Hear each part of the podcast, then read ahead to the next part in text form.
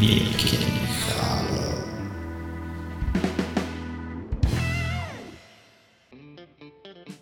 Do kolejnego nasze, naszego podcastu zaprosiliśmy nadleśniczego Nadleśnictwa Łosie, pana Bartłomieja Sołtysa, żeby porozmawiać o tym, że e, nie taki wilk straszny, jak go malują. Dzień dobry. Dzień dobry, panie redaktor. E, Pozdrawiam wszystkich słuchaczy. No właśnie, czy wilka należy się bać? Panie redaktor, to jest bardzo dobre pytanie, e, aczkolwiek e, nie ma na to pytanie jednoznacznej odpowiedzi. E, Jak doskonale wiemy, dzik, przepraszam, wilk jest zwierzęciem dzikim, wykazującym naturalny lęk przed człowiekiem.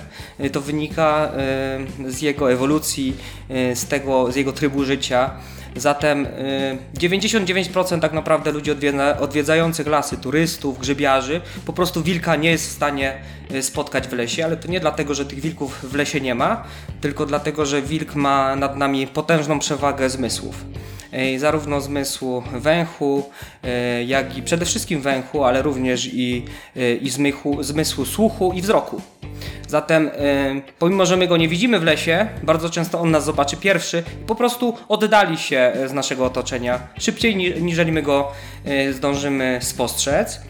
Y, I y, dlatego o tym lęku y, na samym początku chciałem powiedzieć. Naturalnym lęku wilka przed człowiekiem. Ale nie jest powiedziane, że nie, zda, nie zdarzają się zachowania o takim charakterze anomalii. Mieliśmy do, do, do czynienia z takimi zachowaniami już jeżeli chodzi o, o wilki w Polsce. Doskonale pani redaktor na pewno i słuchacze pamiętają takie sytuacje z 2018 roku chociażby, y, z rejonu Bieszczad, No właśnie. y, ale i również z Puszczy Noteckiej. W obydwu tych przypadkach miały miejsce ataki, czyli pokąsania wilków, pokąsania ludzi przez wilki. Natomiast te, te zdarzenia miały później swoje skutki dla, również dla środowiska naukowego, ponieważ te wilki oczywiście musiałyby zostać y, odstrzelone w sposób legalny i tak się stało, natomiast ich, y, ich tusze zostały przekazane do badań laboratoryjnych. No i co się okazało? Okazało się, że te wilki łączyły dwa elementy tak naprawdę. Po pierwsze dość młody wiek obydwu, y, znaczy tych osobników, które atakowały, a drugie to analiza składu pokarmowego ich żołądków. I tutaj już jest bardzo ciekawe spostrzeżenie, że zarówno ten, e, ten wilk z Bieszczad, jak i e, z Puszczy Noteckiej w składzie mm, treści pokarmowej żołądka miało odpadki z gospodarstw domowych, z jadłodajni. I o czym to może świadczyć? No świadczyć to może o tym, że e, może o tym, że ludzie popełnili pot- potężne błędy w relacjach z wilkami, czyli po pierwsze zaczęli dokarmiać wilki, być może y, należy tutaj, szczególnie w Bieszczadach, doszukiwać się nieuczciwych prak praktyk także fotogra fotografów przyrody, którzy y, takie organizują nielegalne nęciska y, dla wilków, gdzie wykładane jest mięso, przez co po pierwsze wilki przyzwyczajają się do zapachu człowieka, i do smaku mięsa e, zwierząt gospodarskich. To są fatalne e, skutki dla e, populacji wilków w Polsce. No i z tego też względu te wilki, które niestety no, skończyły niechybnie poprzez ich zabicie przez człowieka, bo tak musiało być. No, y, z tego też, z tego właśnie względu y, one po prostu zbliżyły się y, w sposób nienaturalny do osad ludzkich, bo poszukiwały zwyczajnie pożywienia. Człowiek kojarzył im się ze źródłem pożywienia. Nie samo jako, jako sam człowiek, jako osobnik, potencjalna ofiara, ale związany z, pokarm z tym człowiekiem. Czyli ataki, jeżeli były, szanowni państwo, no to niestety, ale z winy człowieka, a nie z winy tych, tych zwierząt, które, jak mówię i podkreślam, mają naturalny lęk przed człowiekiem. Ale niestety wyjątek też nie potwierdza reguły, bo mieliśmy do czynienia w tamtym roku z takim atakiem e, dosyć e, precedensowym, jeżeli chodzi o atak, atak na pilarzy. Pilarzy w lesie, w okolicach Brzozowa w województwie podkarpackim. No i tam na chwilę obecną nie mamy żadnej informacji, jakoby y, w treści żołądkowej tych osobników były jakieś resztki po, z pozostałości z gospodarstw domowych. Zatem tutaj musimy doszukiwać się jakiejś anomalii. Anomalii y, i tutaj jest też odpowiedź, że ta odpowiedź na pytanie pani redaktor nie może być szybka i oczywista. Bo co do zasady, ja jestem orędownikiem idei takiej, że nie możemy i nie powinniśmy się obawiać wilków y, w lasach Beskidu tutaj y, niskiego choćby nawet, bo mówię, one uciekają przed czym one się boją człowieka. Ale zdarzają się przypadki nadzwyczajne i musimy to brać pod uwagę y, we wszelkich spotkaniach z wilkami. No właśnie, a co jeśli spotkamy takiego wilka w lesie, który stoi i patrzy na nas? No sytuacja, o której pani redaktor mówi, zdarzy się raz na, na tysiąc spotkań. Po pierwsze, żeby w ogóle spotkać wilka, to trzeba być wielkim szczęściarzem, to trzeba jasno powiedzieć. Natomiast, żeby jeszcze mieć czas na to, żeby ten wilk się nam przyglądał, no to trzeba być mega szczęściarzem. E, Szanowni Państwo, taka sytuacja mogłaby mieć miejsce w przypadku wyłącznie, gdyby, gdybyśmy zaskoczyli wilka, na przykład podczas trwającego polowania, czyli on tropi po prostu watachę, jele, e, chmarę jeleni, która jest bardzo blisko niego, e, ukrywa na przykład część pokarmu, którą zdobył, czyli zajęty jest zupełnie inną Czymś rzeczą, ale na pewno nie obserwacją środowiska, w którym żyje. W takiej sytuacji moglibyśmy zaskoczyć wilka i rzeczywiście on mógłby w, naszym kierunku spojrzeć i zaciekawić się, co jest grane.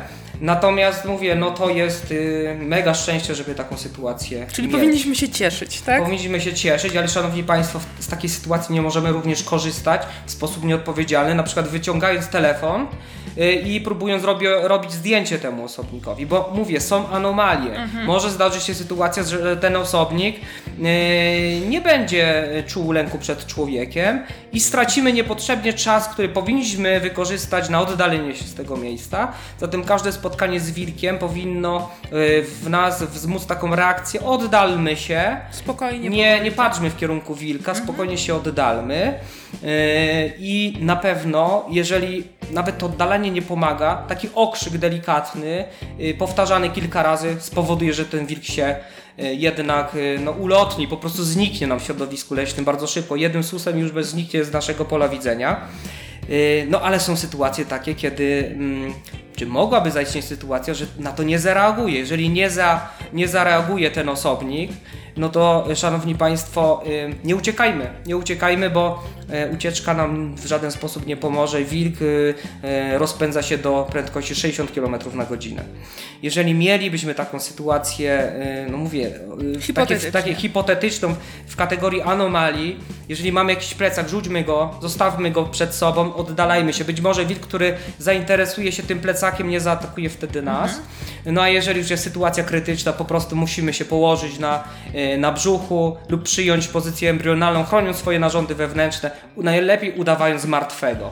Ale mówię, no taka sytuacja myślę, że nie nastąpi w naszych lasach, ale o tym trzeba powiedzieć, bo jest to potężne zwierzę ważące 60 kg, yy, o potężnej sile uścisku swoich szczęk, yy, bo badania mówią, że 30 kg nacisku na każdy centymetr kwadratowy zębów wilka, yy, no to, to jest siła miażdżąca kości ludzkie, więc, więc ten lek mimo wszystko powinniśmy mieć, a przede wszystkim szacunek i respekt do, tego, do potęgi tego gatunku. A dlaczego wilki atakują zwierzęta domowe? Mają za mało pokarmu w lasach, czy po prostu idą na łatwiznę, bo pies jest łatwiejszym łupem? No i pani redaktor w zasadzie odpowiedziała na to pytanie bardzo poprawnie. E, Wilk jest zwierzęciem niezwykle inteligentnym, niezwykle inteligentnym, czyli dokonuje takiej analizy zysków i strat energetycznych. Skoro więc ma do wyboru e, krowę pasącą się w pobliżu kompleksu leśnego, a w alternatywie łanie jelenia, która potrafi biec z prędkością 70 km na godzinę, to w sposób oczywisty on wybierze po prostu tą krowę, bo ona da mu źródło równie dobrego białka jak ta łania, y, a wydatek energetyczny będzie nieporównywalnie mniejszy.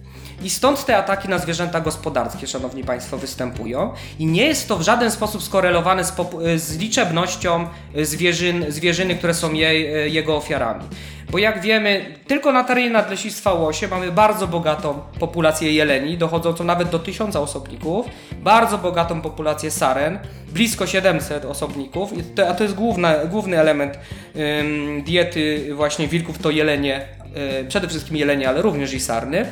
I nie ma tutaj niedostatku pożywienia dla, y, dla wilka.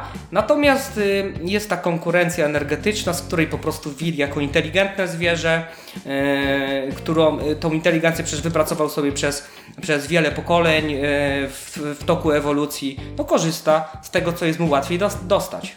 A czy polowanie na wilki miałoby wpływ e, na zmniejszenie tych ataków? Czy są jakieś badania w tym zakresie?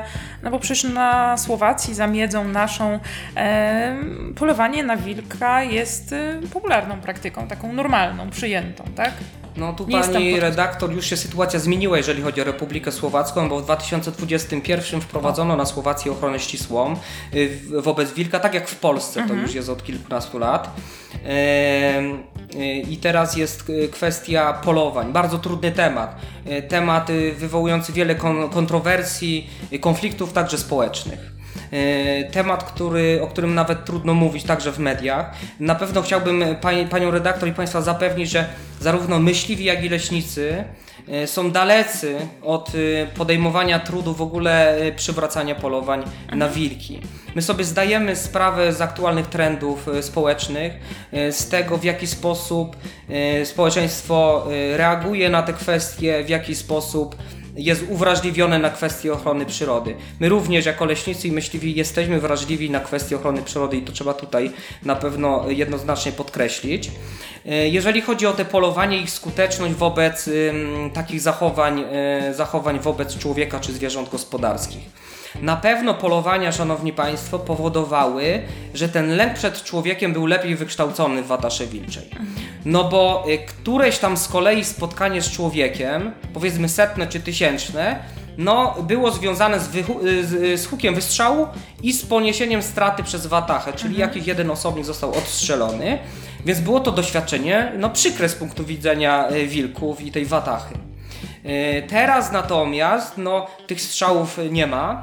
Jeżeli spotkania z człowiekiem są, no to te najstarsze osobniki mogą gdzieś pamiętać ze Słowacji, że coś tam z człowiekiem przykrego było związanego, natomiast młode osobniki, które przychodzą na świat, one nie będą mieć już takiego poczucia, że człowiek to jest coś niebezpiecznego i coraz częściej będziemy mieć na pewno do czynienia z sytuacjami takimi, jakim mówiliśmy we wcześniejszym pytaniu, czyli z zaciekawieniem wilk będzie spoglądał w stronę człowieka. Yy, I tutaj jest ten aspekt, ale szanowni Państwo, ja osobiście nie jestem zwolennikiem przywracania polowań. Yy, na wilki, jestem zwolennikiem yy, wypracowania ze środowiskami naukowymi jakiejś strategii zarządzania tą populacją. Mówię o zarządzaniu tą populacją, bo yy, tak jak i innymi populacjami zwierząt, no musimy zarządzać. Yy, Człowiek wszedł w środowisko na tyle mocno, że jest je, jego częścią, tak naprawdę dominującą częścią tego środowiska, jako naj, najlepiej wy, wykształcona ewolucyjnie istota i to jest nasze prawo, żeby w tym środowisku być. E, Natomiast e, no, wyrządziliśmy w tym środowisku mnóstwo złego e, i teraz trzeba wypracować takie, takie strategie, żeby to środowisko albo utrzymać na tym poziomie, na którym mamy teraz, ale już na pewno jego nie pogarszać, a myślę, że naszym obowiązkiem jest, żeby stan tego środowiska poprawiać, również stan środowiska życia wilka. Ale jeżeli mówi Pan, że na Słowacji zostały wilki teraz objęte ścisłą ochroną, to jest szansa, że tych wilków będzie na naszym terenie więcej, bo przecież zagrożenie miały e, właśnie po tamtej stronie, tak? No tak, pani redaktor, y, ja myślę, że ten trend będzie raczej pewny, że wilków będzie przybywać. Nie wiadomo do jakiego rozmiaru tych wilków będzie nam przybywać, bo jest jeszcze coś takiego jak, jak konkurencja wewnątrzgatunkowa. Czyli watachy przebywające na danym obszarze, one po prostu nie tolerują się nawzajem. Czyli wilk jest bardzo terytorialnym gatunkiem, wobec czego y, no, też taki ym, rozród, ym, który nie będzie w żaden sposób ograniczony, nie będzie miał miejsca, bo wilki będą naw- nawzajem się po prostu zwalczać. Y, Dla przykładu powiem, że na terenie, teren nadleśnictwa administrowany przez nadleśnictwo to jest 330 km2. Jest to miejsce potencjalnie dla około dwóch watach y, wilczych, takich 5-7 osobników, bo takie są najczęściej. Natomiast my na terenie nadleśnictwa mamy 3, nawet 4 watachy, więc już sporo tych wilków jest. Y, W osobnikach 25-30 osobników. Jedno z większych zagęszczeń, jeżeli chodzi o południową Polskę na pewno. I stąd też y, te interakcje człowiek-wilk się zdarzają i również rolnik-wilk. Y, I tych konfliktów będzie więcej. No musimy pracować nad edukacją społeczeństwa, musimy pracować także nad e, strategią, o której mówiłem i również nad właściwą rekompensatą strat, które te e, wilki mogą powodować.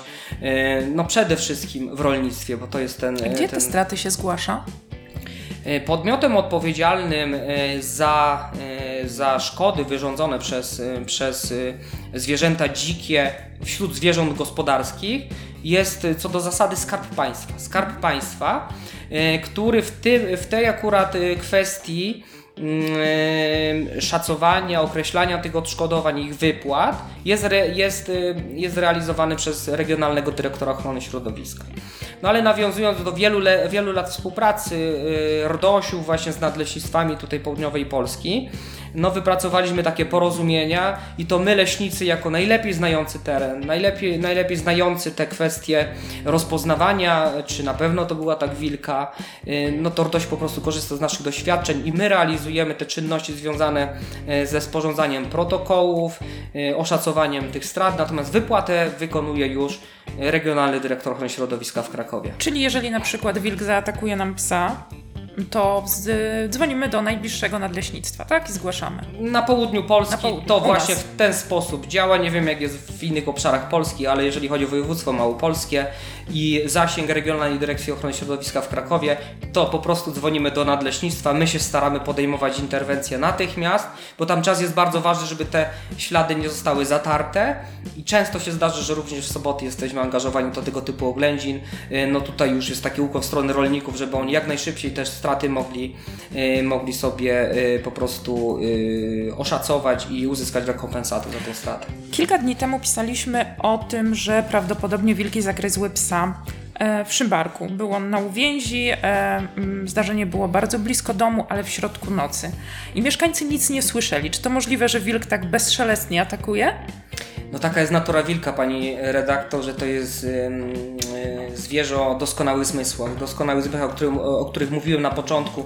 Doskonały zm- zmysł wzroku, węchu, słuchu. Zatem on podchodząc do psa jako takiej potencjalnej ofiary, bardzo łatwej również do zdobycia, mówi się nawet, że to jest jakaś tam forma przysmaku wilka, y, pies, y, no to on nie będzie podchodził nigdy inaczej jak tylko pod wiatr. On najpierw zbada jaki jest kierunek wiatru, będzie szedł pod wiatr, tak żeby pies go nie wyczuł, bo pies ma też równie dobry, nie aż tak dobry, ale równie dobry węch i ten atak będzie z nienacka.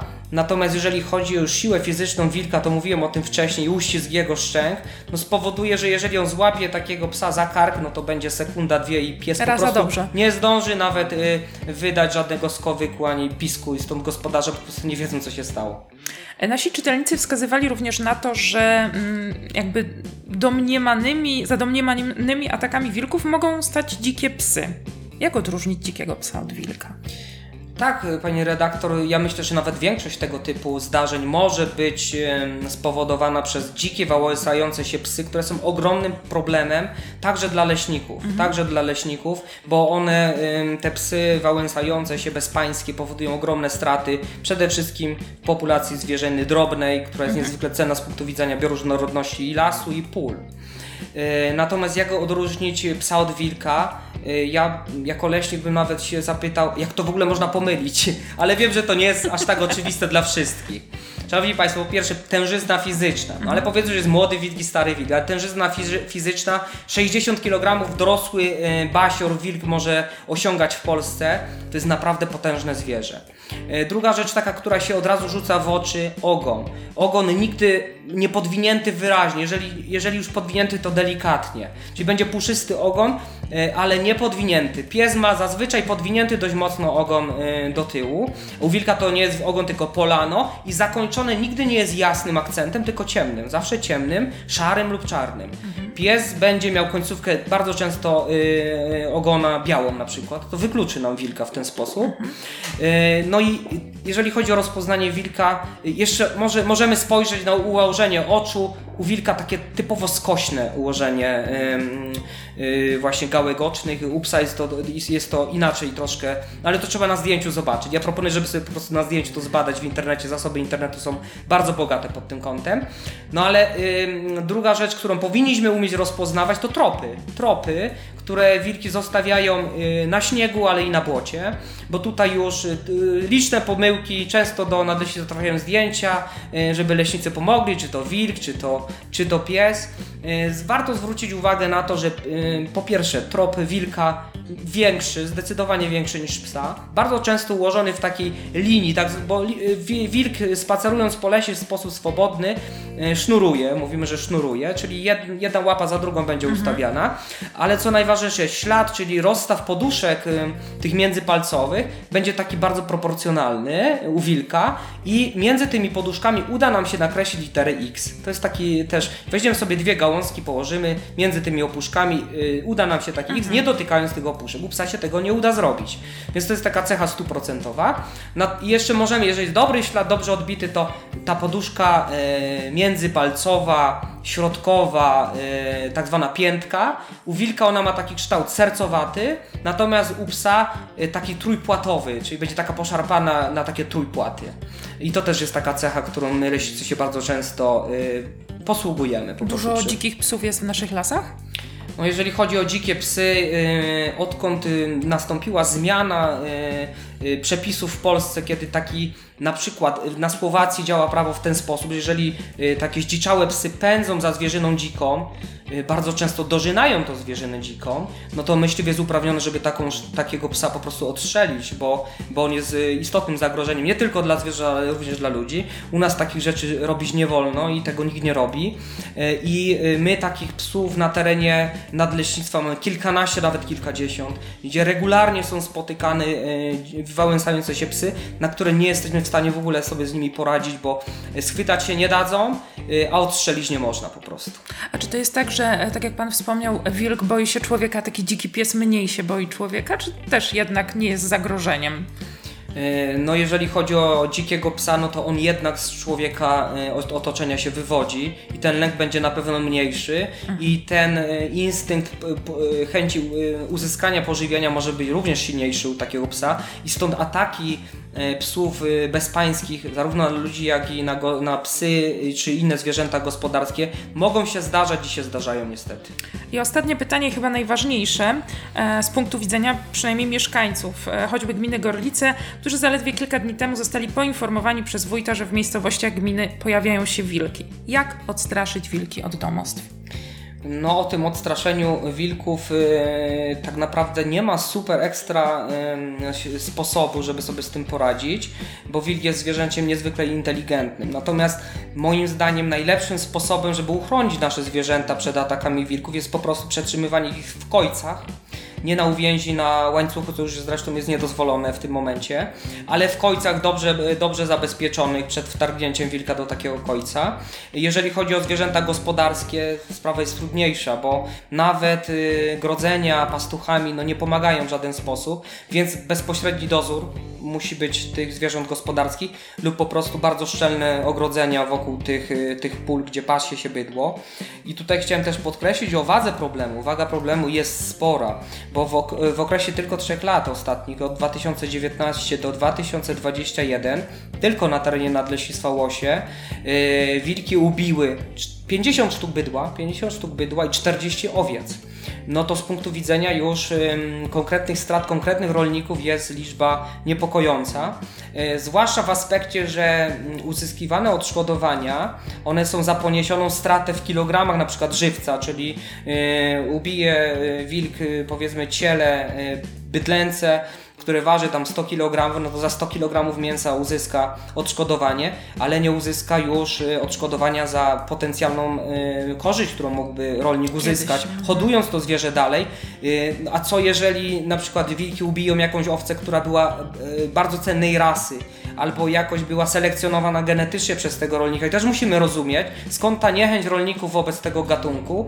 W mojej ocenie y, ochrona wilka, ona dużo kosztuje, ale ona musi kosztować nas jeszcze więcej, żeby po prostu te, y, te, te straty, które ponoszą rolnicy, były rekompensowane w pełni i sprawiedliwie dla nich, aby ta niechęć również środowisk rolniczych nie była aż tak spora jak do tej pory. Czyli wilków nie demonizujemy, o zwierzęta swoje dbamy, edukujemy od najmłodszych lat.